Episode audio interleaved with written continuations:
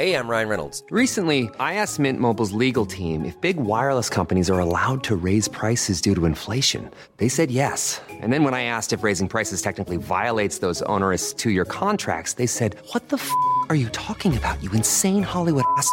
F- So to recap, we're cutting the price of Mint Unlimited from $30 a month to just $15 a month. Give it a try at mintmobile.com slash switch. $45 upfront for three months plus taxes and fees. Promo rate for new customers for limited time. Unlimited more than 40 gigabytes per month. Slows. Full terms at mintmobile.com.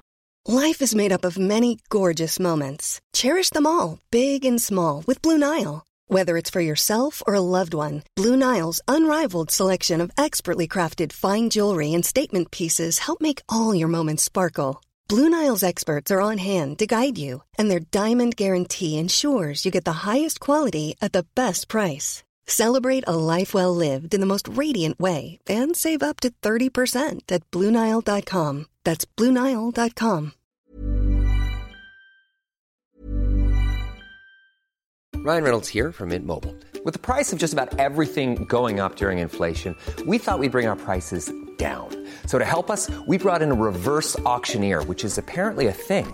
Mint Mobile unlimited premium wireless. Ready to get 30, 30, bit to get 30, bit to get 20, 20, 20, bit to get 20, 20, bit to get 15, 15, 15, 15 just 15 bucks a month.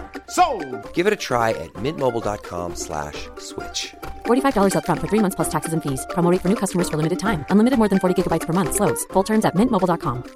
When you're ready to pop the question, the last thing you want to do is second guess the ring. At Bluenile.com, you can design a one of a kind ring with the ease and convenience of shopping online. Choose your diamond and setting. When you find the one, you'll get it delivered right to your door. Go to Bluenile.com and use promo code LISTEN to get $50 off your purchase of $500 or more. That's code LISTEN at Bluenile.com for $50 off your purchase. Bluenile.com code LISTEN.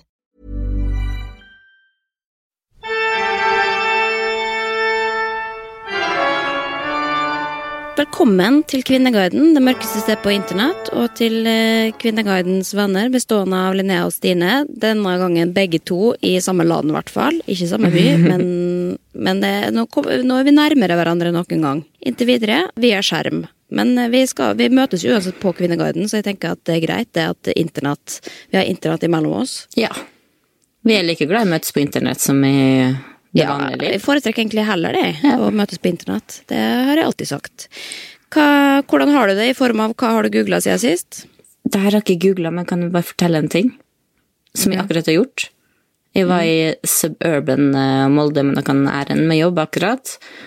Og på veien hjem så skulle jeg ja, Jeg måtte ha mat, jeg var dritsulten.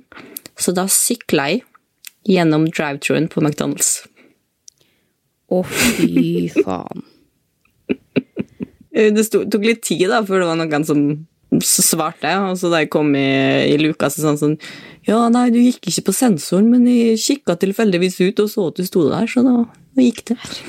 Men er det i hele tatt lov? Ja, jeg spurte Kanskje ikke så vanlig det her, men han sa det hadde, det hadde skjedd. Men det var ikke hver dag. Det kom noen syklende. Nei, men det er bra. Da har du fått trykt i deg noe, noe kjøtt. Men hva har du googla, da? Jeg har Ok, det første Det er ikke jeg som har googla, det er Vebjørn, men jeg måtte bare stjele. For han har googla life hacks og lærte mye rart. Blant annet hvis du har batteri og er usikker på om det er brukt eller ikke. Slikke på det? Nei. Nei, det er farlig, det. Eh, Ikke, ikke ta mye ord på det. Men det er et eller annet med å slikke på det. Så hvis du får, får elektrisitet, så er det nok strøm i det. Ja, ikke gjør det. Gjør det jeg lært, eller lært det. Da slipper du ned på bordet. Hvis det er spredt, så er det tomt. Hvis det nesten ikke er spredt og står, da er det fullt. Nice. Vi har lært noe i dag. Uh, ja, gå videre. Hvordan male tak. Vi snakka jo om da vi forrige episode, Trash på en dag, oppussingsprogrammet, som, vi kaller- som vi kaller det. Jeg eh, fant jo ut at da jeg malte rommet, så måtte jeg male taket og skapet og alt. Og aldri, Ja, for du ble inspirert til å male av, eh, av å se på oppussingsprogram? jeg ble ikke det. Jeg skulle male. Jeg ble inspirert til å være nøyaktig og teipe og alt det. Og bruke mer enn én dag? Ja, jeg brukte tre dager. Jeg måtte jo male taket òg. Så jeg gikk inn på YouTube, lærte det, og det blei fint, det, altså. Inspirerende, Stine. Mhm. Og det siste er visdomsord dåp. Jeg var i ett på lag i en navnefest, og da ble det sendt rundt ei bok og et kamera, så da måtte alle ta bilde av seg sjøl og skrive en hilsen til dåpsbarnet. Og jeg er så ekstremt dårlig på å skrive et hilsen, så jeg begynte febrilsk å google for å finne, finne noe jeg kunne skrive. Kan man ikke bare skrive 'lykke til med livet', da? Ja, men alle hadde skrevet på ei side hver, så det var så sykt mye man måtte Det hadde sagt så rart ut hvis jeg skrev ei eller to linjer. Og så hadde jeg heller ikke lyst til å ta bilde av meg sjøl og lime inn. Det syns jeg var litt for meget. Så da måtte jeg fylle opp. Men hva ble sitatet, da? Jeg fant et dikt av Inger Hagerup. Vær utålmodig, menneske. Sett dine egne spor. Det gjelder vår evige korte liv. Det gjelder vår jord. Vær Og utålmodig. Ja, men det, det er en quote jeg kan like, for det, jeg får alltid høre at jeg skal være tålmodig, og det syns jeg er det kjedeligste jeg hører. Så vær utålmodig. Takk, Inger Hagerup. jeg er glad til å si det, for da jeg skrev den ned, så satt jeg venninna mi ved siden av og så så på det. Det der hadde ikke skrevet, så Ja, ja, jo, men det er jo fint å høre, Stine, at du har, nå har du gitt et livsråd videre til et barn som får sine utfordringer sikkert i livet på et eller annet tidspunkt. eh, Hva har du googla? Jeg har googla Det er ganske TV-relatert eh, denne uka. Og jeg har googla 'Living with Yourself' på Netflix. Det er en ny serie som kom forrige uke med uff, Nå husker jeg aldri navnet på noen skuespillere, da. Men eh, ja. Jeg så i hvert fall Jeg ble inspirert, for jeg så på God morgen Norge. Ser på God morgen Norge selv om man er i LA.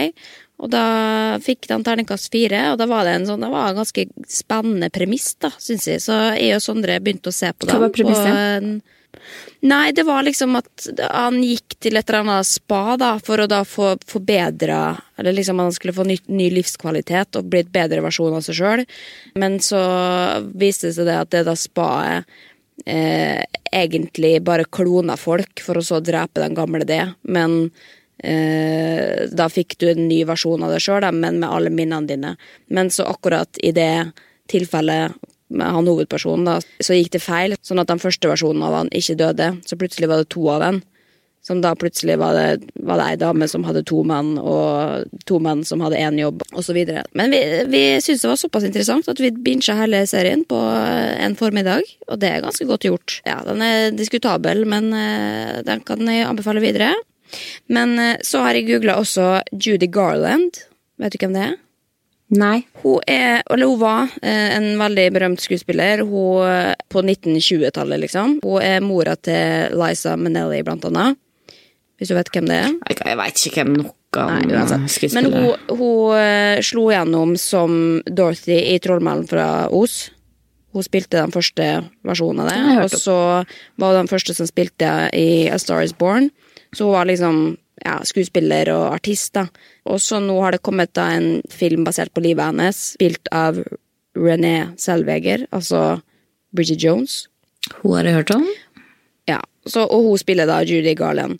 Og jeg visste jo ikke hvem hun var, så jeg syntes det var veldig spennende da. For jeg så den på kino, og jeg likte den veldig godt. Men jeg ble veldig fascinert. Jeg ville vite hvordan da hun faktisk så ut i virkeligheten, og hvordan hun egentlig sang, og hva hun egentlig hadde gjort. Og historien er jo helt sånn sjuk, ja, absurd og trist. Og jeg skal ikke røpe hva som skjedde til slutt, men uh, Tipper at hun døde.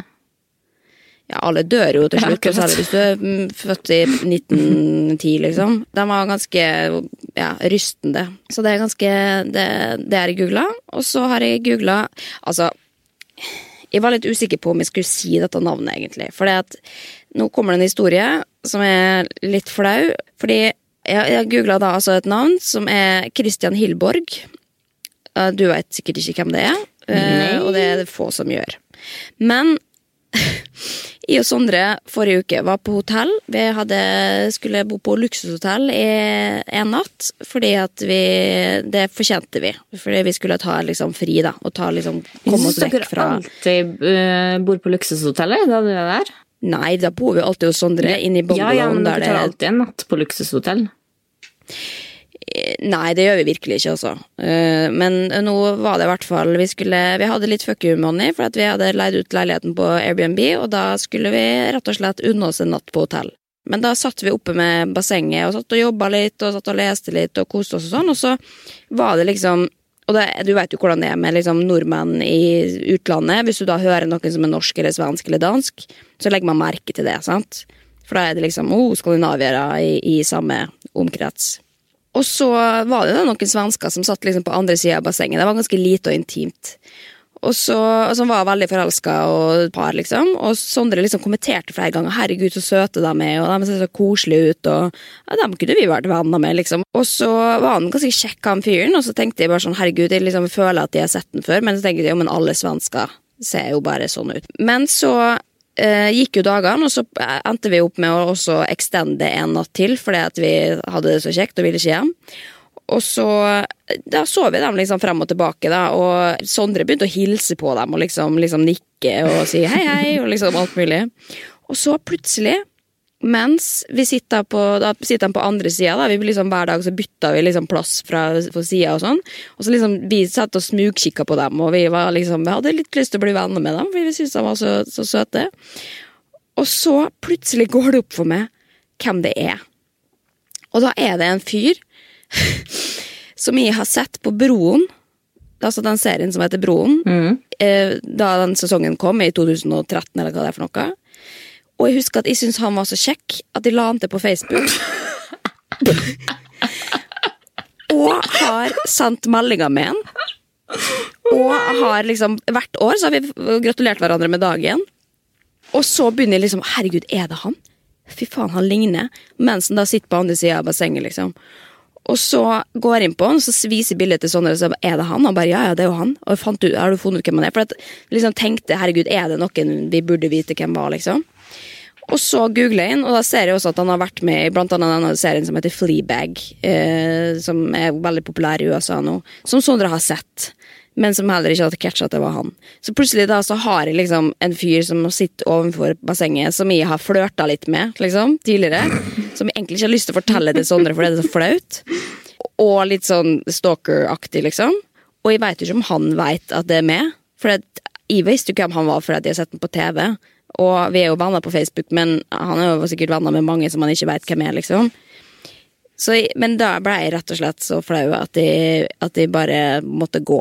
For jeg visste ikke hvordan jeg skulle forholde meg til situasjonen. Ja, det hadde faen mye gjort. Det som skjedde da, var jo at da når vi sjekka ut, så sendte jeg en melding. Tok, det tok meg to døgn å finne ut hvem du var, men der, der var du, ja. Uh, hei, hei, sa jeg bare. Hyggelig å treffe deg, liksom. Skulle jeg hilst, men, men kom på det for seint. Fikk du svar? Ja, ja, og da sa han bare ja, jeg skjønte at det var det, jeg også. Og så, men nå dro vi videre til Jo, han svarte. Eh, hadde gjerne sagt hei innan vi dro, men slum, da slumra du til på solbeden. Fikk hilsa på din fine kjæreste to ganger. Sondre, Sondre, Sondre sa hei til den to ganger, enten ikke kjente den. Men uansett. Men det var, det var en gøyal historie, da. Men heldigvis så slapp jeg å bli hun stalkeren som plutselig da endte opp med å hilse på. Det, det, men, det, men det, er min, litt, det er litt stalkeraktig å ikke si hei, mens han er melding etterpå. Jo, men jeg kom jo ikke på det liksom før da, nesten etterpå. Jeg visste ikke hvordan jeg, Sorry, jeg visste ikke hvordan jeg skulle forholde, forholde meg til det. Det har blitt så jævlig flaut. Det var ikke ideelt for uh, vårt første møte. Men uh, ja, ja. Støtter deg den. Ja. Nei, men vi, vi, det var en historie fra mitt uh, liv, i hvert fall. og nå skal vi inn i Kvinneguiden, eller? Ja, vi må starte. Hva tenker du om folk som spiser pølse offentlig? Pølse er seriøst det ekleste jeg vet av mat. Hvis folk spiser det i nærheten av meg, blir jeg rett og slett forbanna. Jeg er klar over at jeg ikke kan styre over alle, men når folk spiser pølse med fuckings rekesalat på T-banen i rushtid, da koker det over for meg. Hva er vitsen? Det stinker. Og så er det laget av grisetarmen. Vet ikke folk det? Er så sjukt nasty, ass. Utrolig white trash. Ja, Stine. Enig. Apropos kjøtt, du har allerede vært på kjøtt, kjøttvogna i dag. Hva, hva tenker du umiddelbart? Er helt enig. Det der, ja, du er det? Ja, det der jeg tenkte på sjøl òg. Da jeg bodde på Majorstua og tok T-banen derfra hver dag, så var det der faktisk et stort problem. Og da mente jeg at før elleve så er det ikke lov til å spise pølse i offentligheten. Og selvfølgelig aldri inne på T-banen, men til og med på liksom perrongen. Før elleve, nei. Ja, så, okay, så det er regelen. Det er ok, den er grei. Men nå, Men- nå står jeg opp Nå jeg det da var, da var jeg student. Nå har jeg forandra litt eh, døgnrytmen, så nå sier jeg eh, ikke før ti, Ja, men du kan jo ikke ha egne premisser på dette der. Jeg er enig i de reglene, men folk flest vet jo ikke det. De har jo andre døgnrytmer enn det. Ja, men eh, ja, da sier vi jo aldri Nei, men det må, det må være lov på festival. Det kommer litt an på hvilken pølse det er. Grilla pølse lukter jo godt, liksom. Men det er den pølse på Narvesen. Jeg vet ikke hva. Vi sier etter, etter jobb. Etter fire. Tenker jeg. Da er det lov. Ja, ok. Men vi kan uansett komme tilbake til regler og sånn, men, men det er jo to, det er to problemstillinger her, da.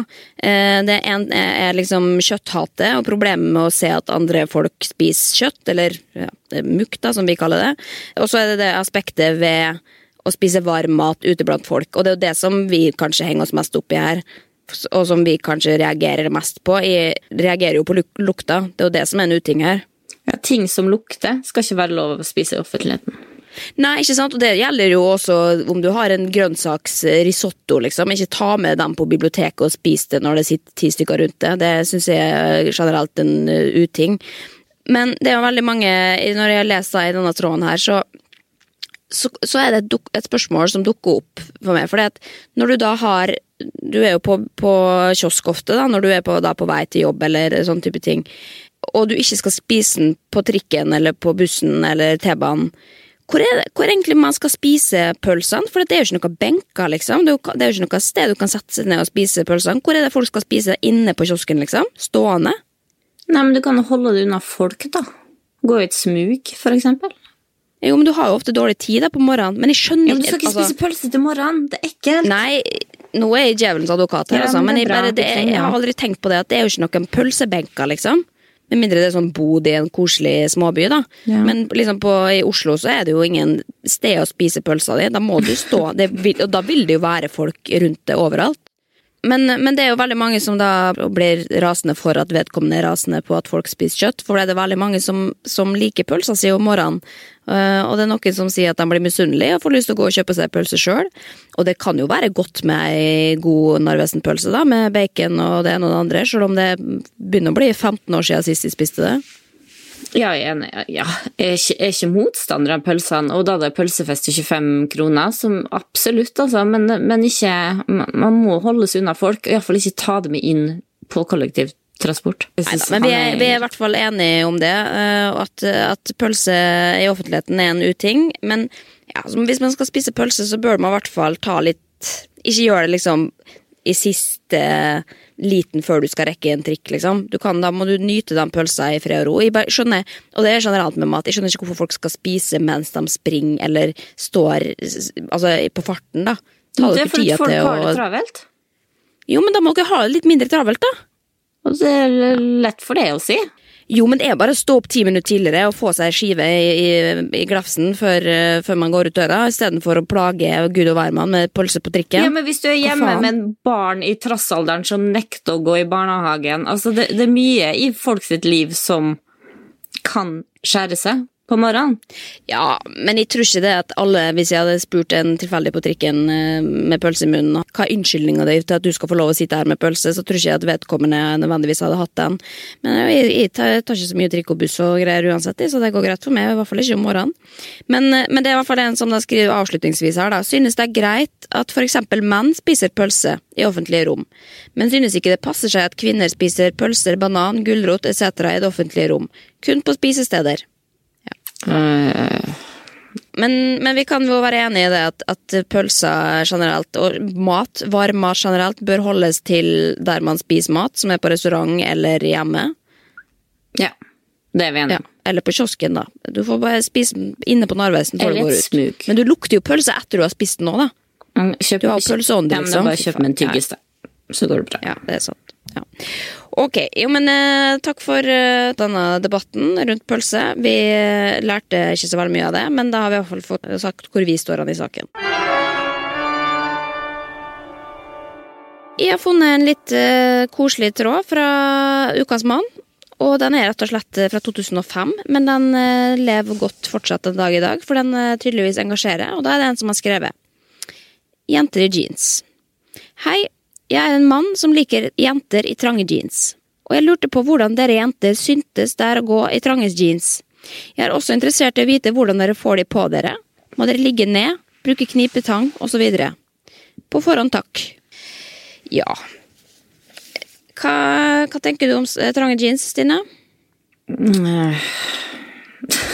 Nei, altså, jeg syns trange jeans er bra så lenge de ikke presser på magen. Ja, At det må være stretch, liksom? Ja, Og så må den være high waist, syns jeg, da, for da kan jo alt gå, på en måte. Eh, For det er jo det ekleste er jo når de er liksom lave, sånn som det var da på tidlig 2000-tall. Så Ja. hvis ikke de passa liksom Eller hvis de var litt da for trange, så vil jo magen liksom henge over. Og det er jo ikke en god følelse for Og noen. det, det var jo det man skulle ha, og så skulle man ha en topp som gikk litt lenger opp enn buksekanten da? Ja, og, og apropos det, for jeg begynte å tenke på når jeg leste denne tråden, for før så var jo det kult, liksom. Jeg og mine venninner, vi gikk jo da med disse veldig lave Missixi jeans og Killa Babe og alt mulig, og så skulle man også ha da veldig kort jakke, og særlig liksom i, da, i 14-årsalderen, hvor du har liksom litt sånn, ja, kroppen forandrer seg og sånn, og da hadde man det man kalte sideflesk, eh, som vi kalte det. Og det var liksom, det skulle man ha, liksom. Da skulle det henge over kanten på buksa. Det var kult. Men da husker foreldrene våre sa liksom ja, men du må huske på det hvis du går med bar mage ute. Da var det jo fordi de var redd for at vi skulle bli sjuke, selvfølgelig. Men da sa de sånn ja, hvis dere går med det, så kan det fryse seg fast til å bli varig. Så når du tar av deg buksa, så har du liksom den, den fasongen, da. Så vi ble jo veldig redde og snakka veldig mye om det. Er det egentlig sant? Og, ikke Ja, det husker venninna til mamma sa til meg også. At, Ja. at hvis det var der liksom rundt magen, eller sideflesket, da, hvis det blei kaldt, så blei det, ble du feitere der. Ja, for da kanskje kroppen prøver å spare på fettet, Ja. da. På, ved, ved å liksom holde varmen oppe. Jeg vet ikke. Kan det stemme, da, hvis både jeg og du hørte? Ja, Dette må vi kanskje skrive ned det, at vi må prøve å huske på det til neste gang. Eh, men det, det er noen som skriver også det samme. Det der med knipetang er morsomt. Det vekker minner hos meg fra gamle dager da vi hadde noe som heter 2002-bukser. Og da er det sikkert det hun peker på, da. Og da skriver han da, ukas mann, 2002-bukser har jeg ikke hørt om. Kan du fortelle mer? Og, og du ser jo det utover i tråden her, så, så er han Han bare vil ha mer og mer og mer og beskrivelser, og folk som da sier noe om hva, man liker, eller en, en eller annen beskrivelse av hvordan type bukse man har, eller smekken, at han er litt for trang, så vil den ha mer detaljer. Si hva du føler når du, når du drar opp den uh, smekken. Så det er jo bare en runketråd, da. Den er veldig morsom. Vi kan legge den ut på Kvinnegardens venners venner på Facebook, forresten, for de anbefaler folk å, å lese. Den blir med jevne mellomrom tatt opp. Men jeg på, Men jeg har et svare- sånt minne. For jeg husker at søstera mi hun tørketromla Levis-buksa si. eh, For hun skulle få han, ha helt tørr til vi skulle på basar og tombola. Og da måtte hun selvfølgelig Det var den kuleste buksa jeg hadde. Og da husker jeg at hun og andresøstera mi lå på gulvet og dro i buksa, liksom. Ja, men da er altså Hvis du må legge det ned for å ta på deg buksa, det er jo for lite, altså. Det må jeg bare si. Må, det, Man kan tabbe seg ut. Man kan tørketromle en bukse da man er ung uten å skjønne at den krymper det. Og, men hvis man drar og har den på seg, han utvider seg etter hvert, så gikk det sikkert bra. ja, og det var jo det jeg også husker, at når man da gikk på Carlings, hvor man eh, kjøpte buksene sine den gangen, så Eller det er noe som fortsatt gjør det, da, for øvrig. Men da gikk man jo der og det sånn Ja, men vien seg ut, for da måtte du alltid kjøpe et mindre nummer enn det du egentlig hadde, fordi at den kom til å vise ut. Og så gikk man der liksom med buksa som var altfor, altfor trang, i håp da om at den skulle vies ut. Men, men for å svare på spørsmålet til Lukas Mann, da, så kan jeg i hvert fall svare for min egen del at jeg, jeg går aldri for tighte klær hvis jeg ikke trenger. Jeg går i treningstights. Jeg syns at eh, trange bukser er en uting, men hvis det er stretch, god stretch, og du kan gå opp en eller to størrelser uten at man nødvendigvis føler det på buksa, så er det en god bukse. Det er vel ingen som går i tighte jeans som ikke er stretch. Jo, oh, oh my god, og Hvem er de folka? Nei, de som har buksene fra, fra 2000-tallet enda, da. De som ikke har kjøpt så nye bukser. Som ikke veit at det finnes en bedre verden der ute. Ok, men vi skal slutte å gi eh, denne, denne buksemannen mer å runke for. Men eh, jeg anbefaler virkelig å gå inn og kikke på denne tråden. Da tenker jeg at ukas mann får, eh, får hvile litt. Ja. Det var en tråd som vekka min interesse, som eh, ligger i kropp og helse-kategorien, som eh, heter som følger Psykisk syk, Mister man empati? Spørsmålstegn. Ja, og så er da spørsmålet rett og slett mister man empati når man blir alvorlig psykisk syk. Og det er et godt spørsmål som jeg ofte stiller meg sjøl, eller ikke nødvendigvis dem to sammen, da, men dette med empati sånn generelt. Når veit man at man har empati, og når veit man at man Hvis du er usikker på om du har empati, så tror ikke du har så mye av det. Jo, men hør da, for jeg, tror definitivt at de har mindre empati enn noen andre. Det er vanskelig for meg å liksom forstå i det hele tatt at noen kan se på nyhetene og bli dypt berørt av det. det jeg scroller bare videre og går, går videre, og det må være en eller annen mangel på et eller annet. Og for dem som ikke vet, empati er jo da, handler om å sette seg inn i andre sitt følelsesliv. Men det er forskjellige områder av det, og det som kalles affektiv empati, som handler om det å føle fysisk det den andre føler. Og så er det det som heter kognitiv empati, som handler om å forstå hva den andre føler. Og så er det det å oppleve situasjonen som den andre føler, som er empatisk presisjon, da, som er en tredje bigreier. Og det er jo noen som har det ene, og noen som mangler det andre. Men det er når det kommer inn det med psykisk syk, da, så kan jeg jo bare selvfølgelig bruke min egen historie. Og de gangene jeg har vært ganske ute å kjøre, liksom, så har jeg jo kjent på at jeg har mindre plass til de andre. Og det er det jo veldig mange som også skriver her. Sånn, de aller fleste syke, både fysiske og psykiske syke, blir veldig selvsentrerte. Så ja, da blir det ofte mindre tanke på de andre. Og det kan du sikkert du kjenne igjen Hvis du har mye på, på dine egne skuldre, så har du mindre energi til å tenke på andre. Eh, ja, jeg har jo da mindre, som du sier, tid. Da tar jeg jo tid til å tenke på andre eller sette meg ned og gruble. Men jeg føler uansett at hvis jeg er travel eller jeg har det kjipt sjøl, så greier jeg jo absolutt å føle andre sin smerte. Eller se på andre ting. Se på nyhetene og få like så vondt da jeg ser barn som har det fælt. Det er ikke sånn at jeg tenker da ja, ja, drit i den ungen. Nei, nettopp. Men kjenner du det fysisk i kroppen, liksom? Mm. Gjorde du det også før du fikk barn? Ja, ja, ja, selvfølgelig.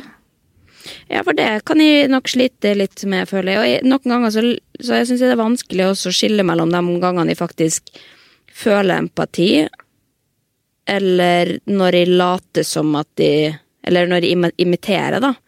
Fordi at jeg tror jeg har nok lært meg til liksom å gjøre det andre gjør fordi at det er forventa av en, eller for å ikke da skille seg ut, liksom.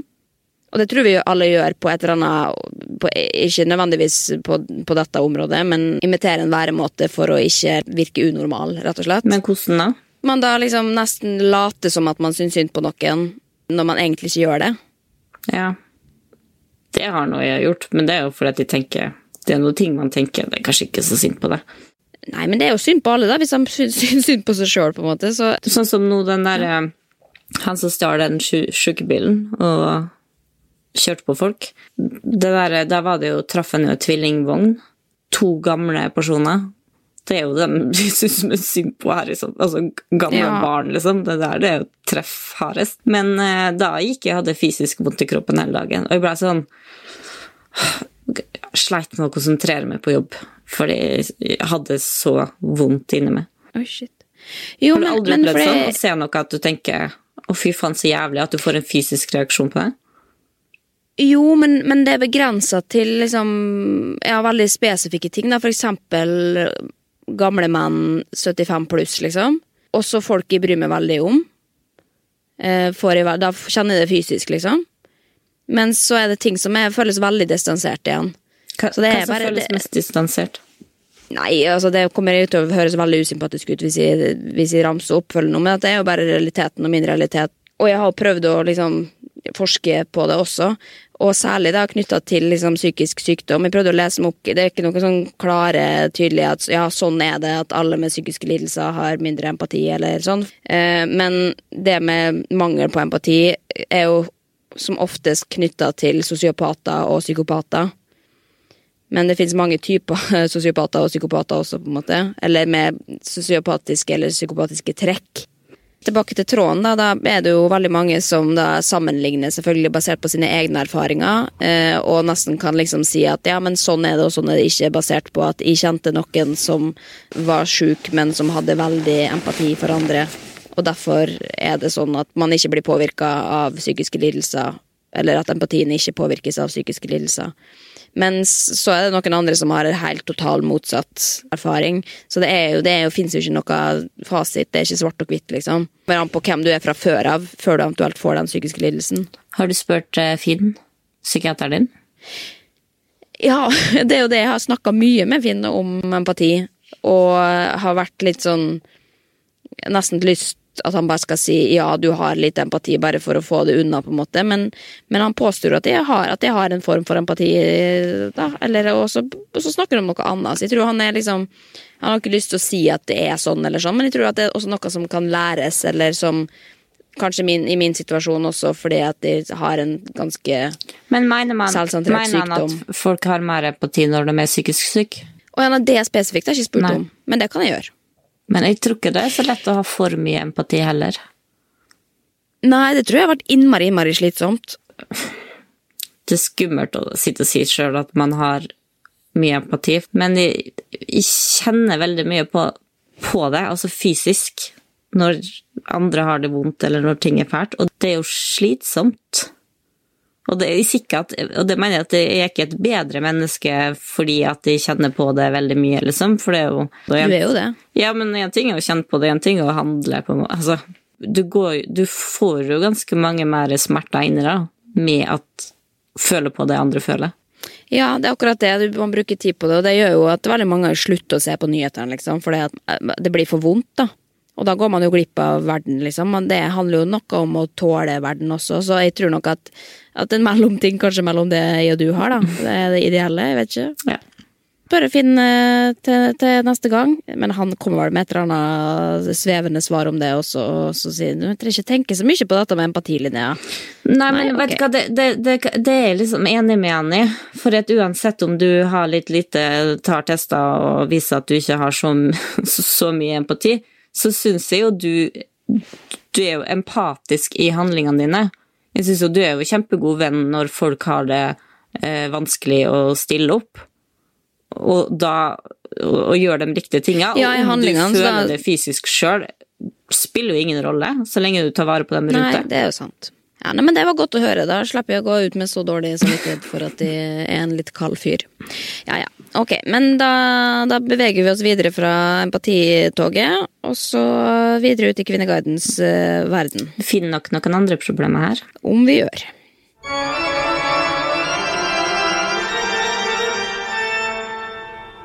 Jeg har kommet over en tråd som eh, i kjente personers virke, som heter Jan Thomas og Einar blir venner. Det handler jo da om denne podkasten. Jeg tror den har eksistert i én uke mindre enn oss. Den begynte ca. samtidig. Så det, ja. Vi, vi sammenligner oss alltid med dem, og kommer alltid til kort i forhold til dem. Har vi, Men, har vi noe eh, å sammenligne, sammenligne oss med? Nei, men det, det er jo fristende, da. De har en halv million følgere i uka, liksom. Og, og vi har jeg skal ikke tre, eller noe sånt. Men, eh, men uansett, de har jo fått eh, Eller de har jo vært en veldig vellykka podkast, og vært en koselig vi har hørt på og kost oss med den. Men samtidig så har de jo også fått en gruppe på Facebook, som nå har 45 000 følgere. Eh, og vi så jo ganske tidlig hvor det kom til å bære av sted. Eh, fordi at eh, jeg ville jo da bli oppdatert på Facebook-gruppa når de sa å, det legger vi ut på Facebook, så hadde jeg jo lyst til å gå inn på gruppa og se. Mens det jeg oppdaga jo ganske tidlig at går jo ikke, fordi at det er så mange andre som legger igjen ting her, eller som poster ting. Som gjorde at Einar og Jan Thomas bare drukna i alt mylderet, liksom. Og i starten så er jo dette en tråd da som handler om at de elsker podkasten. Kjempepositivt å være Kvinneguiden, faktisk. Alle elsker den. Eh, Men nå de siste ukene så har det vært eh, ganske dystert der inne, og da handler det rett og slett om den gruppa som er på Facebook, som har blitt ganske ja, godt omtalt også i andre fora, har jeg lagt merke til. Og det er noe som da skriver Jeg har sluttet å høre på podkasten grunnet den gruppa og klientellet. Vet jeg er fisefin nå, men det der orker jeg ikke assosieres med. Og noe som også skriver, folk oppfører seg jo som de er et kult omtrent. Snakker om å tatovere Jan Thomas og Einar Tørnquist, og ikke minst den besettelsen noen av de virker som å ha.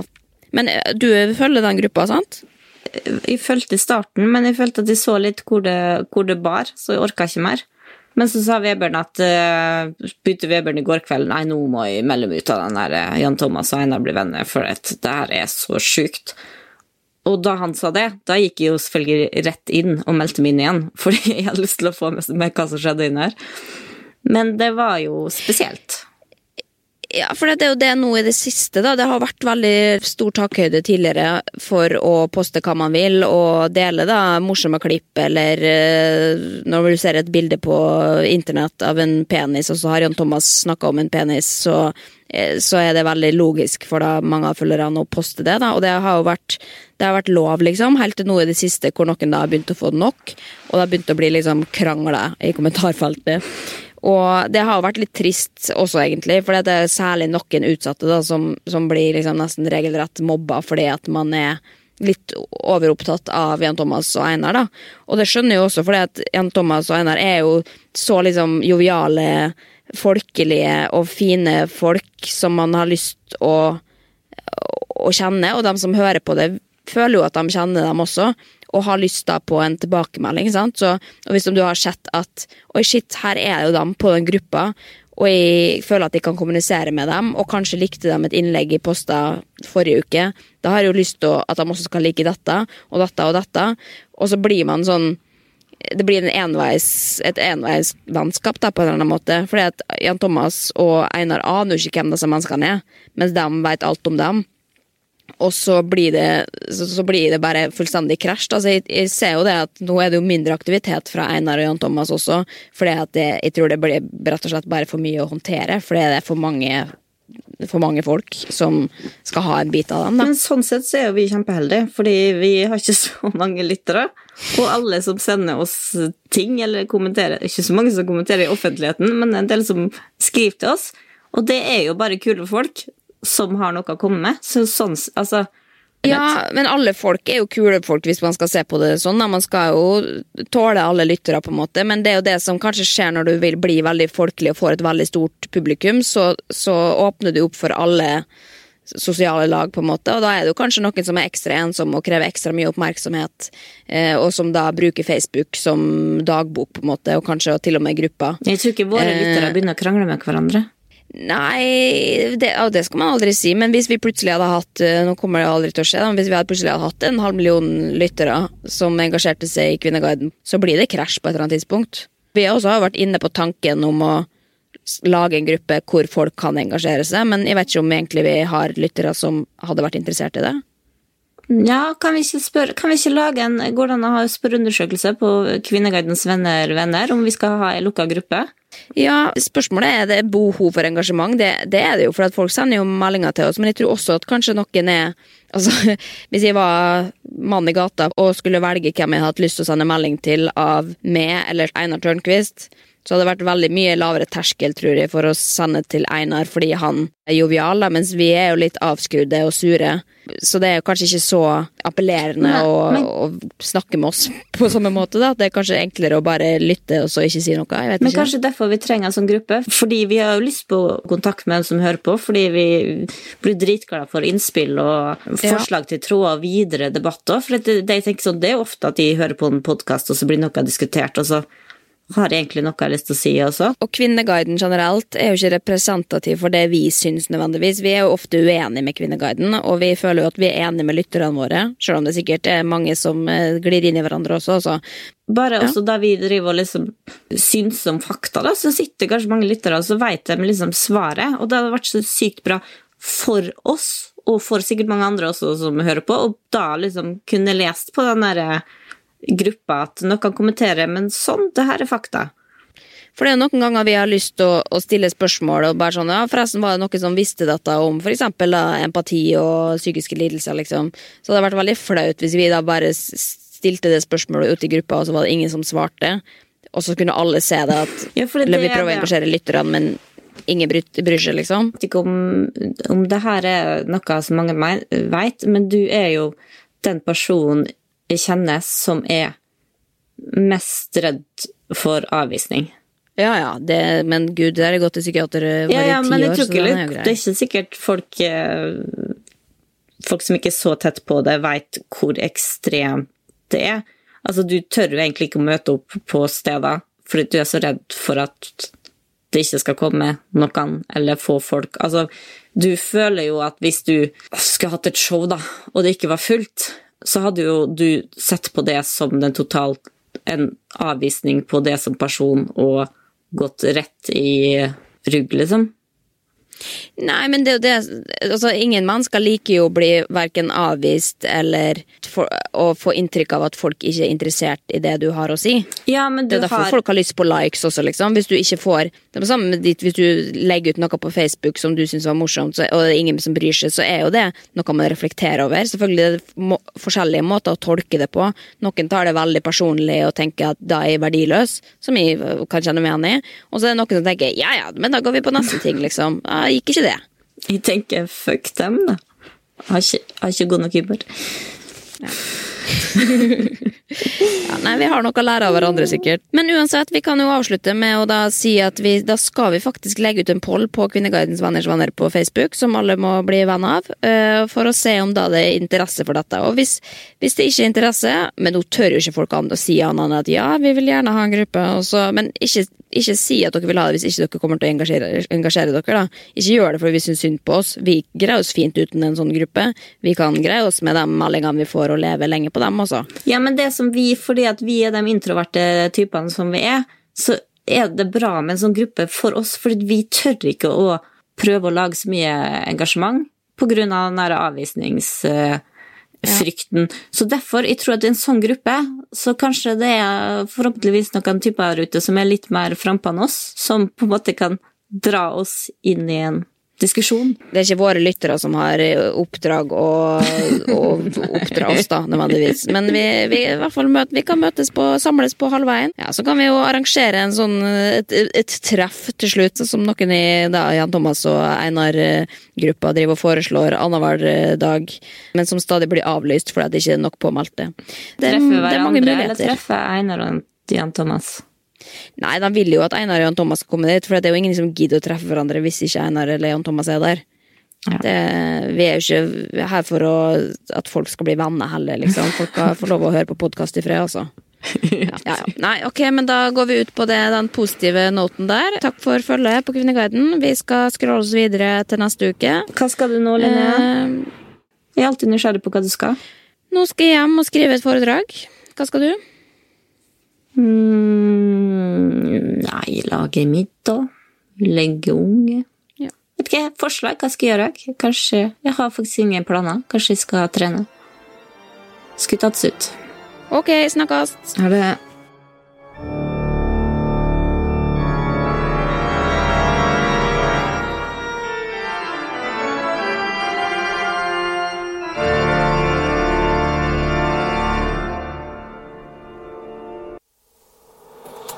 Produsert av Rubicon.